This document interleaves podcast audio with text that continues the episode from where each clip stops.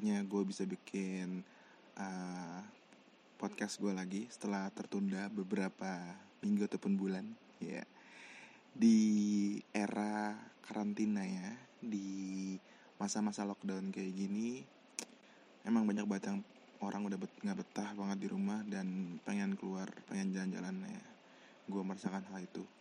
Makanya gue terinspirasi untuk bikin podcast ini untuk nemenin kalian yang kira-kira rindu dengan jalan-jalan. Nah daripada bingung mau jalan-jalan ke mana karena di lockdown juga ya. Jadi dalam edisi lockdown ini gue akan bikin podcast semua pengalaman. Gue akan berbagi pengalaman gue naik gunung yang pernah gue naikin dari gunung-gunung pertama. Even belum ada videonya pun dulu gue akan coba untuk uh, mereview. Tujuannya apa ya? Tujuannya biar gue sharing aja sama kalian uh, kesenangan bernaik gunung senangnya biar kalian dapat bayangan gitu kan dapat bayangan betapa menyenangkannya jalan-jalan itu jadi untuk sementara nggak bisa jalan-jalan tapi kalian bisa dengerin uh, experience gue jalan-jalan oke okay. di kali ini uh, kesempatan kali ini gue pengen sharing sama kalian tentang pengalaman gue naik gunung gede ini adalah gunung uh, terakhir yang gue naik sebelum masa lockdown. Ini kurang lebih masih oh sorry ini tahun lalu kalau nggak salah deh. Sudah tahun lalu. Gue naik gunung ini tahun lalu bersama dengan tiga teman gue jadi kebetulan di sini gue naik sama teman gereja gue namanya Michael. Lalu satu orang lagi itu adalah teman kantor gue namanya Mas Afro. Mas Afro ini datang bersama temannya juga Mas Hari jadi kita berempat. Oke. Nah kali ini gue naik gunung gede. Sebenarnya ini pendakian gue yang kesekit yang ketiga kali untuk naik ke gunung gede. Di sini gue memilih jalur uh, putri ya. Jadi buat kalian yang nggak tahu gunung gede itu ada dua jalur yaitu jalur Putri dan jalur Cibodas. Jadi yang buat tuh cobain gue udah cobain jalur Cibodas gue udah cobain jalur Putri ya uh, mereka punya karakter yang beda-beda sih. Terserah kalian tapi kalian harus coba dua-duanya. Nah kali ini gue akan bagi waktu gue naik gunung uh, gede via Putri. Jadi uh, di sana itu di base camp bawah itu ada rumah-rumah warga seperti biasa. Jadi kebetulan gue sama Michael berangkat nyusul karena Mas Afro dan Mas Hari sudah nyampe duluan di sana untuk booking tempat dan segala macamnya menyiapkan dari sore ya karena gue kerja dulu. Jadi pulang kerja baru bisa nyusul naik angkot. Gampang banget naik angkotnya itu banyak banget angkot-angkot dari Uki. Buat kalian yang nggak mau naik motor ataupun naik mobil karena capek harus simpan energi bisa coba naik angkot. Yang langsung ke Ciawi gue jadi naik angkot dari Uki turunnya di Ciawi. Di Ciawi itu banyak minibus minibus oh iya angkot itu gue bayar kurang lebih 20 ribu deh jadi angkot-angkot 06 gitu yang malam beroperasinya jadi ke Ciawi itu mereka bisa menyewakan jasa di antar sampai Ciawi 20 ribu nah dari Ciawi lu itu ada minibus bisa langsung turunnya di pasar pasar yang di bawah ya pasar Cibodas itu Pasar Cipanas, Pasar Cipanas. Pasar Cipanas itu kurang lebih bayarnya 25 ribu. Tapi banyak banget sih pilihan yang harus naik minibus itu juga. Ada kayak angkot yang cukup gede gitu sama harganya ataupun uh, bus-bus yang besar yang mengarah ke Bandung ataupun Cianjur lu bisa naik itu juga cuman mungkin lebih mahal harganya. Turunnya di kalau untuk uh, naik dari Putri turunnya di Pasar Cipanas. Cuman kalau untuk turun uh, untuk naik dari Cibodas kalian bisa turun di uh, persimpangan Cibodas itu itu di bawah uh, jadi persimpangan dulu tuh itu dekat rumah sakit di situ. Itu itu untuk Cibodas. Nah sedangkan untuk Putri lu agak majuan lagi sampai Pasar Cipanas. Nah karena naiknya dari situ. Di samping Pasar Cipanas Percis itu ada gang. Itu satu-satunya. Ataupun uh, majuan lagi. Majuan lagi itu kurang lebih uh, dekat-dekat sama pas, uh, sate Marangi setelah Istana Cipanas. Jadi banyak banget. Cuman infonya adalah kalau sudah malam-malam jalur ke atas itu rawan sama uh, tindak kriminal gitu kata orang-orang setempat. Jadi kalau bisa kalau naiknya udah malam banget apalagi lo naik, naik mobil pribadi usahakan memilih jalur yang ada deket sate Marangi situ sate Sari Asi sate Marangi itu setelah Istana Cipanas gitu. Karena emang jalurnya ini dari ista dari pasar Cipanas cukup masih jauh lagi ke atas. Dan itu rata-rata mobil suka macet ataupun suka habis ya kampas remnya. Karena jalurnya terjal dan sempit. Bahasa berapi batu lo itu kayak papasan sama mobil lain itu bakal bikin pusing gitu. Nah terus setelah gue nyampe besok kan kita berangkat. Berangkat ini posisinya gue begadang sih karena malam itu gue sama Michael nyampe jam 3 pagi. Kita istirahat sedapatnya. Subuh subuh kita langsung jalan. Di situ kita menyewa rumah. Jadi ada warga yang menyewakan rumahnya untuk kita tinggali. Itu enak banget. Itu cukup bayar 150 ribu per orang. Dia sudah menyiapkan jasa untuk uh, simaksi juga. Gitu. Jadi kalau lu nyampe malam lu bisa simak bisa istirahat dulu.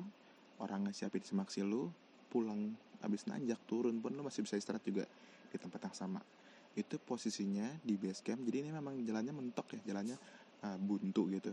Nyampe atas itu cuma tinggal putar balik doang. Di situ isinya warung-warung dan rumah-rumah warga yang dibuka untuk jadi base camp para pendaki. Base camp gue kebetulan itu, waktu gue naik itu baru dibuka ya agak di ujung banget. Jadi setelah mentok itu ada pertigaan angkot-angkot pada yang banyak angkot-angkot yang lagi ngetem. Ah lu ke ujung belok ke kanan lurus terus nanti ada rumah biru itu penginapan. Itu waktu gue di situ. Gitu. Nah jadi pagi-pagi gue berangkat. Perjalanan pertama itu dari basecamp bawah itu masih jalan aspal. Masih jalanan aspal banget. Masih yang rapi. Itu kurang lebih seperempat setengah ya 15 menit. Lu nyampe di atas itu ada seperti pos simaksi sih. Karena waktu itu gue nyampe di situ untuk laporan untuk laporan karena kita udah megang simaksi di situ kita akan lapor kalau kita naik nanjak naik berapa orang gitu kayak biasa lah di situ di situ kita dapat kita kasih unjuk simaksi kita. Nah dari dekat situ juga banyak uh, warung-warung untuk sarapan. Jadi kalau yang belum sempat sarapan bisa makan dulu di situ sementara temen lu ngurusin uh, lapor gitu lapor sama petugas itu. Nah setelah itu jalan lagi kita ke atas jalan ke atas itu sudah mulai agak kecil. Karena kita tapi kita masih ngeliatin sawah-sawah sih di situ. Ngeliatin persawahan. Ini belum pos satu ya belum masuk pos satu ya. Masih daerah persawahan. Pinggir-pinggir sawah kita jalanin. Ya sudah mulai kecil dan udah bukan aspal lagi. Udah batu-batu bertanah kita. Tapi masih kita masih kita masih ngelewatin jalur-jalur uh, sawah warga setempat. Naik terus nanti di sana itu ada lo akan ketemu uh, bangunan. Di situ nanti ada tempat sampah gede banget. Tanah yang dikeruk itu biasanya orang-orang yang turun dari gunung gede akan buang sampah di situ. Gitu. Nah lo naik ke atas lagi nanti akan ada namanya pos bayangan. Pos bayangan tanah merah. Ya tempatnya sih cukup luas untuk buka tenda cuman nggak ada ya mau buka tenda di pos-pos awal kayak gitu. Biasa sih orang-orang yang turun udah terlalu capek dia akan buka di pos tanah merah itu. Nah lu naik lagi. Nah di atas itu sebelum dapet pos satu ada e, cukup luas juga. Itu banyak orang-orang pedagang situ. Situ. Nah start dari situ lu udah masuk vegetasi udah masuk pepohonan rimbun udah mulai nanjak jalannya. Kurang lebih sekitar setengah jam sih perjalanannya sampailah di pos 1 di sini agak bingung ya karena kalau dari website-website itu kalau lo lihat jalur pendakian start dengan Legok Lenca. Sedangkan realitasnya di dalam pendakian pos pertama yang lo lihat itu bukan pos Legok Lenca. Nama pos 1 itu namanya informasi lama. Gue nggak tahu ada perbedaan apa di sini tapi realnya pos itu lo akan lihat pos informasi lama. Nah pos informasi lama ini gampang banget kok dikenalinnya di situ ada gapura terbuat dari semen ya kayak beton gitu ada bacanya uh, jalur pendakian Gunung Gede Putri gitu. Itu yang sangat otentik banget di sini. Kalau lu udah ketemu itu lu sudah berada di pos 1 ya.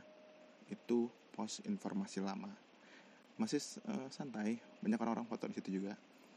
Dari situ lu berangkat lagi ke atas untuk menuju pos 2 namanya Lago Kelenca di situ. Nah Lago Kelenca ini kurang lebih jaraknya 800 meter ke atas ya. 800 meter ke atas. Lo bisa tempuh itu kurang lebih dari situ ya satu setengah jam sampai satu jam. Gitu kita jalan ke atas. Perjalanan di sini gue bisa bilang sudah mulai nanjak ya kalau gue kelanca itu. Jadi sudah sangat-sangat bikin keringetan banget deh sampai di pos Lago Kelenca itu pos kedua. Tapi masih belum terlalu jauh ya. Jadi kalau perlu jalan belum yang bener-bener lu sampai ngos-ngosan banget sih. Yang penting lu atur aja jalannya. Di Lago Kelenca ini sama sih modelnya. Dia punya pos-pos itu kayak shelter gitu. Terbuatnya dari bangunan beton dari apa sih batu bata gitu. Ada kayak rumah gitu. Ada ada atapnya. Nah informasi menariknya sepanjang perjalanan ini lo bisa nemuin orang menjual nasi uduk. Harganya sepuluh ribu. Isinya itu nasi uduk nasi kuning gitu. Isinya telur-telur suwer-suwer gitu sama tempe orek lah. Ya kalau gue bilang sih cukup mahal untuk uh, nasi uduk kayak gitu. Cuman mungkin ya dilihat harga dari karena dia jualan di atas gitu kan. Kalau lo memang terdesak banget. Ini gunung enak banget ya pokoknya. Kalau lo naik gunung ini lo nggak mau ribet-ribet lo bawa duit aja banyak banyak tukang jajanan gitu. Ya dari Lago Kelenca ini pos 2 nah dari sini baru bener-bener lo ditantang deh. Karena dua pos terus ke atas ini bener-bener nanjak parah men. Lo kalau pernah naik dari Cibodas itu ada namanya tanjakan setan ya. Nah kalau gue bilang gunung uh, gunung gede via Putri ini ini full dari pos 2 sampai ke atas. Itu isinya tanjakan setan semua. Parah banget itu apa ya lu bakal mendengar mendengar apa tuh? Kalau nengok ke atas mulu. Itu kagak ada istirahatnya sama sekali. Bahkan kalau lu istirahat di tengah jalan itu gimana ya miring banget gitu jalurnya. Gitu meskipun memang jalurnya uh, terdiri dari akar-akar tanah gitu. Jadi mirip salak sih. Cuman secara tumbuhannya udah rapi banget. Bisa kalau salak itu kan tertutup ya ini terbuka jalurnya akar-akar akar full akar-akar itu kadang-kadang ada batu-batuan juga. Cuman tetap jalurnya parah banget lu bakal kayak nanjak-nanjak akar gitu. Nah itu dari pos Lago Kelenca satu jaman satu satu jam sampai satu setengah jam. Nah kalau aku udah bilang satu sampai setengah jam itu kita udah ngomongin jarak jauh ya. Sampai ke pos 3 namanya buntut lutung. Nah di sini kayak ada kejadian apa ya karena gue sama Michael tim nyantai banget ya. Jadi kita agak ketinggalan di belakang gitu bro. Dan parahnya itu kita bawa makanan gitu kan. Jadi si Mas Afro sama Mas Hari di atas nungguin. Sampai akhirnya kita dijemput sama si Mas Hari di bawah. Ya sebenarnya sih nggak beda jauh banget ya. Kayak cuma satu tanjakan lagi udah nyampe atas. Supaya kita istirahat sampai ketiduran. Lu bayangin lu bisa istirahat. Saking capeknya lu kadang-kadang istirahat bisa ketiduran. Mungkin karena gue begadang juga sih waktu itu. Nah di pos 3 ini buntut lutung uh, sama ya cuman mungkin secara posnya dia lebih luas lebih banyak yang datar di pos 3 di buntut lutung ini gitu untuk lo buka-buka tenda. Dan memang biasanya banyak banget pendaki yang buka tenda di sini gitu. Kalau kalau ter ini ya kalau sangat urgent banget ya. Karena memang luas sih tempatnya di daerah buntut lutung nah dari buntut lutung ke atas ke pos selanjutnya itu jaraknya jauh banget men. Itu 3 kiloan lah ke atas. Itu nah dari situ itu lo parah banget jalannya. Bener-bener yang kacau banget. Pokoknya waduh gue bingung ngomong lagi gimana lagi tuh. Kacau gue napas. Apalagi jalur ini karena emang sangat singkat ya. Meskipun emang gila banyak juga peminatnya. Itu yang bikin kadang-kadang capeknya itu karena lu mesti nungguin orang. Kalau lu naik gunung ini macet karena rame orang itu bakal kayak lu ngantri nanjak gitu kan. Itu yang bikin capek. Lu mesti berhenti gitu kan. Lu mesti pasang rem tangan di saat lu mendaki. Gitu. Nah di pos selanjutnya itu habis bentuk lutung itu lo lawang sakateng. Lawang sakateng itu itu pos berapa? Pos dua pos tiga pos empat. Nah pos empat ini itu uh, penuh dan sempit tempatnya. Jadi ada warungnya jualan di pos empat ini bener-bener dikit banget jalannya. Bener-bener kayak di sebelahnya tuh jalur buat naik sebelahnya ada warung. Nah biasanya kita kalau istirahat di pos tempat ini nggak terlalu banyak tempat untuk bisa istirahat karena benar-benar sudutnya miring. Palingan lo bisa istirahat di sudut-sudut miring itu di ujung-ujung. Nah di sini sama ya di semua pos itu ada yang jualan. Dan harganya itu untuk aqua lo bisa beli harganya dulu sepuluh ribu untuk yang medium. Mereka jualan buah satu potongnya itu goceng. Terus yang jadi prima dona itu adalah gorengannya mereka. Mereka jual gorengan tempe gorengan tahu dan gorengan ubi. Itu harganya 2000 satu piece. Gitu. Tapi pasti pasti laku banget sih makanya kalau gue bilang kalau lu naik gunung ini mendingan lu bawa duit yang banyak karena lu jajan terus di sana. Gue jajan mulu men. Kayak beli semangka gitu kan. Dan mereka pun memang bukaannya tuh beneran buka dan stay di atas bukan naik turun jadi mereka tinggal di atas mereka punya tenda mereka bawa gas mereka masak. Kalau mereka udah habis persediaan mereka akan turun ataupun mereka akan bayar orang untuk bawa gas ke atas. Nah dari pos 4 ini wah ini perjuangan-perjuangan napas-napas terakhir ya. Perjuangan napas-napas terakhir itu dari Lawang Sekateng ke Simpang Lebar satu setengah jam juga. Jaraknya sih nggak terlalu jauh katanya. Cuman karena kemiringannya yang parah banget ngebuat gunung ini eh, ngebuat trek dari Lawang Sekateng ke Simpang Maleber itu uh, bikin orang kayak aduh males banget gitu men. Gitu. Bener-bener nanjak yang parah. Bahkan lo sometimes beberapa kali lo mesti ngeliatin akar-akar gitu. Akar-akar pohon di tanah. Kadang-kadang lo mesti naik. Kayak dia punya track itu lo harus bener-bener sedengkul gitu loh kayak dengkul ini ketemu muka lo gitu. Itu kalau kata orang pendaki sampai dengkul ketemu muka. Lu bayangin jadi lu di depan lu nih ada tanjakan lu mesti naik itu kurang lebih setinggi perut lu. Jadi nggak sesekali tuh lu harus benar-benar pakai tangan juga untuk naik gitu. Kayak lu naik meja sih. Lu bayangin treknya tuh kayak gitu. Lu naik meja dan lu bawa keril ya yang beratnya cukup berat. Nah sampailah kita di pos uh, simpang melebar di sini udah asik sih kalau gue bilang kenapa gue bilang asik karena dari Lawang Sekateng ke Simpang Melebar itu uh, memang nanjak banget. Nah di Simpang Melebar ini setengah jalur menuju ke alun-alun timur. Ya alun-alun timur bukan alun-alun Surakencana. Jadi itu Surakencana kan gede banget. Nah kalau gunung kalau jalur putri kita memang langsung nyampainya di alun-alun Surakencana. Cuman bagian timurnya di ujung situ. Nah, sedangkan untuk yang percis banget di bawah di bawah puncak Gunung Gede itu yang di sebelah mana nih timur barat barat kali ya di ujung yang satu lagi gitu. Nah, selimpang melebar ke alun-alun timur ini itu jaraknya nggak terlalu jauh. Cuman emang eh, apa namanya kurang lebih satu setengah kilo lah. Itu dia setengah jalannya emang nanjak parah. Cuman setengahnya lagi itu sudah sangat fun banget. Udah mulai rata udah mulai datar. Karena lo udah mau mulai masuk ke alun-alun timur gitu. Nanti ditandai dengan lo keluar dari pepohonan yang rindang. Karena perjalanan dari bawah sampai ke atas itu full sama pepohonan sampai lalu di alun-alun timur. Di alun-alun timur itu lo akan melihat pemandangan awan di sebelah kiri lo ya karena kiri itu kan jurang ya. Begitu lo keluar lihat kiri itu orang banyak yang foto di situ. Kan langsung awan.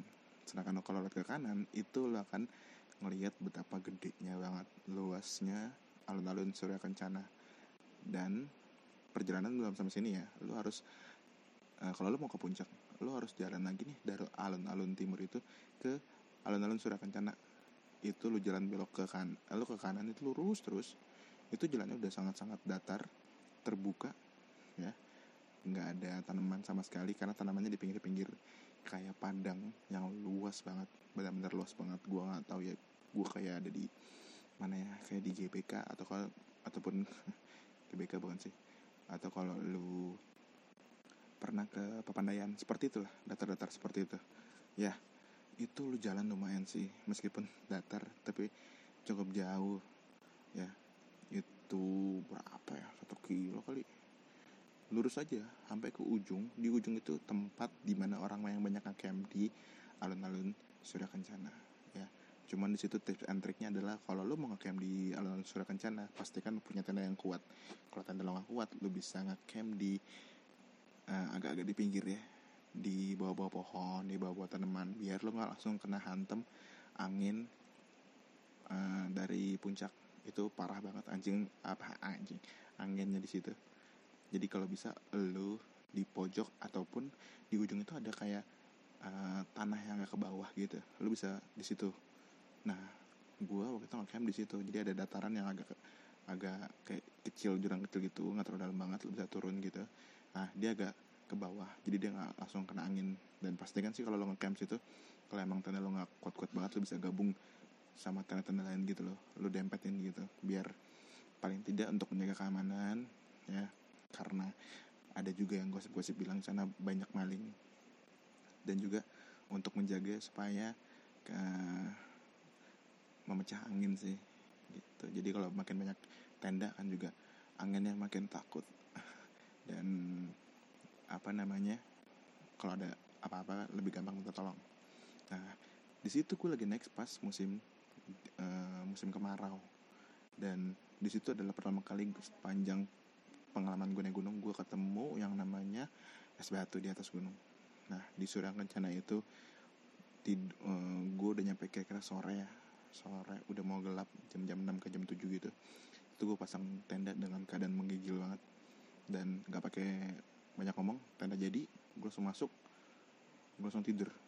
Karena benar-benar capek banget dan sangat dingin di luar jadi gue langsung tidur.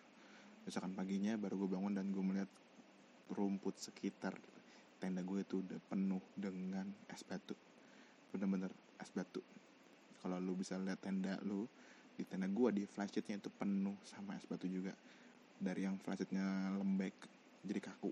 Nah segitunya jadi lu mesti make sure lu punya lu punya gear itu sangat aman. Ya lu punya sleeping bag lu punya jaket lu punya sarung tangan pakai semua karena dingin banget. Nah dari sini tinggal kita satu kali trek lagi ke atas ke puncak Gunung Gede. Itu melalui jalur cuma ada satu jalur situ sih. Meskipun nanti di dalamnya bercabang cuman tetap satu uh, cuma satu jalur ke atas. Itu dari bawah pun lu bisa ngeliat sih puncaknya gitu. Kalau lu lihat mungkin dekat cuman kalau jalanin oh, gimana ya? Karena mungkin kita udah capek sih. Cuman waktunya kurang lebih setengah jam sama satu jam dengan trek yang cukup gokil karena diisi sama batu-batu batu gede-gede banget. Jadi lu benar-benar harus menggunakan kedua kaki dan kedua tangan lo untuk manjat kalau gue bisa bilang manjat ya karena emang treknya bener-bener uh, curam tingkat kemiringannya juga parah banget. Jadi lu pastikan karena ini banyak-banyak akar juga sih akar-akar pohon-pohon yang miring gitu lu bisa nanjak megang akar-akar itu gitu. Ya kalau kalau emang lu pengen naik ke atas kalau ada temen lo yang bisa stay di bawah mending stay di bawah. Jadi lo gak usah bawa tenda barang-barang lo najak ke atas. Ya, tapi kalau memang uh, semuanya pada ikut ya udah. Bawa carrier karena waktu itu gue bawa carrier semuanya kita full carrier kita nanjak ke atas lagi. Itu satu sampai setengah jam lah. Nanti di atas lu langsung ada di deket tugunya uh, puncak gede gitu. Karena kalau lu, lu naiknya dari uh, Cibodas lu akan muncul di ujungnya puncak gitu. Jadi lo bisa jalan kaki lagi latin pinggir-pinggir pinggir kawah situ sampai ke tugu hmm, puncak gede. Nah sedangkan kalau lo naiknya dari uh, Putri dari sore dari Kencana langsung kita di sampingnya tugu gitu. Di sini banyak warung ya. Entah kenapa jadi banyak warung. Karena sebelum ini gue pernah naik juga udah lama sih belum ada warung. Sekarang udah ada warung. Mereka jualan semua air minum mm, buah gorengan ya. Ya plus minusnya sih ada sih. Di satu sisi kita butuh mereka di satu sisi juga kayaknya jadi agak sumpek sih puncaknya kalau kayak gitu di sini di puncak ini puncak gede. Dengan ketinggian 2900 something mdpl lo akan disuguhkan pemandangan awan dan juga lo bisa ngeliat kawahnya gunung gede. Gitu. Kawah gunung gede bisa kelihatan kok dari jalur puncak gitu. Kalau lo uh, naik motor di di puncak gitu lo bisa ngeliat nih kalau benar-benar jernih banget gunung gede ada bagian yang putihnya. Nah itu adalah bagian kawahnya gitu. Di situ adalah yang menandakan itu gunung gede. Ya di puncak ini hmm, spot fotonya mungkin ya di pinggir kawah di tugu gitu kan? Ataupun agak di ujung sana gitu. Nggak terlalu luas cuman emang memanjang dia modelnya. Dan dan karena ini di pinggir kawah ya jadi ada ada pagar-pagar yang ada pagar besi gitu dan diikatkan dengan uh, tali kawat atau tali karet gitu. Untuk menjaga supaya para pendaki nggak terlalu ke ujung karena bahaya ya. Itu curam banget. Jadi kalau lo misalnya langsung foto make nggak terlalu ke ujung. Itu. Itu aja. Dan dari situ gue balik lewat gunung lewat jalur putri lagi. Melewati jalur yang sama yang tadi gue lewatin itu dari atas kurang lebih jam jam 3 jam 3 sore. Eh jam 3 sore. Jam 3 sore itu pas dari puncak jam 3 turun ke bawah. Nggak terlalu banyak rasnya karena kalau turun gunung beda capeknya. Mungkin kalau lo naik gunung mas naik capeknya capek di nafas. Kalau turun itu bener-bener menggunakan kekuatan dengkul lo jadi capeknya bukan di nafas capeknya bener-bener di dengkul di betis di pundak. Gitu. Jadi kalau lo bisa stabil jalannya konstan kalau bisa nggak terlalu banyak nggak terlalu banyak istirahat ya udah make kaki lo kuat. Karena waktu itu gue dari situ dari atas jam 3 turun ke bawah. Kalau pas berangkat gue berangkatnya jam 6 sore.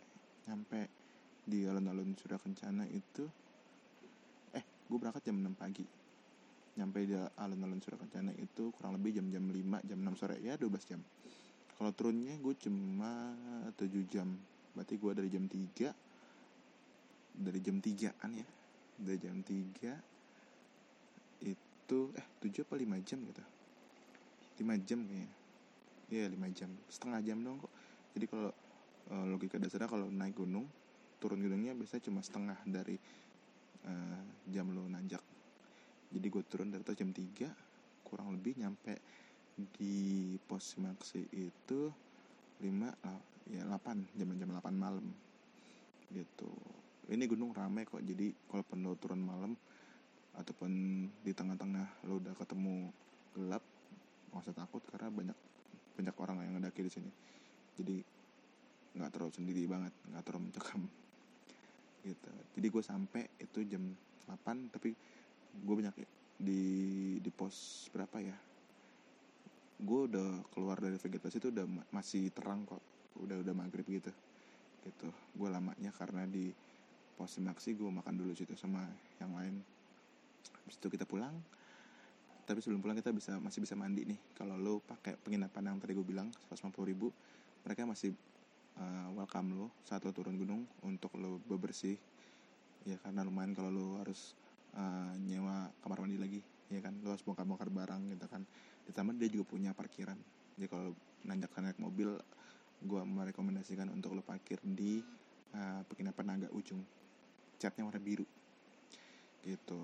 Itu adalah pengalaman gue mendaki gunung gede via putri.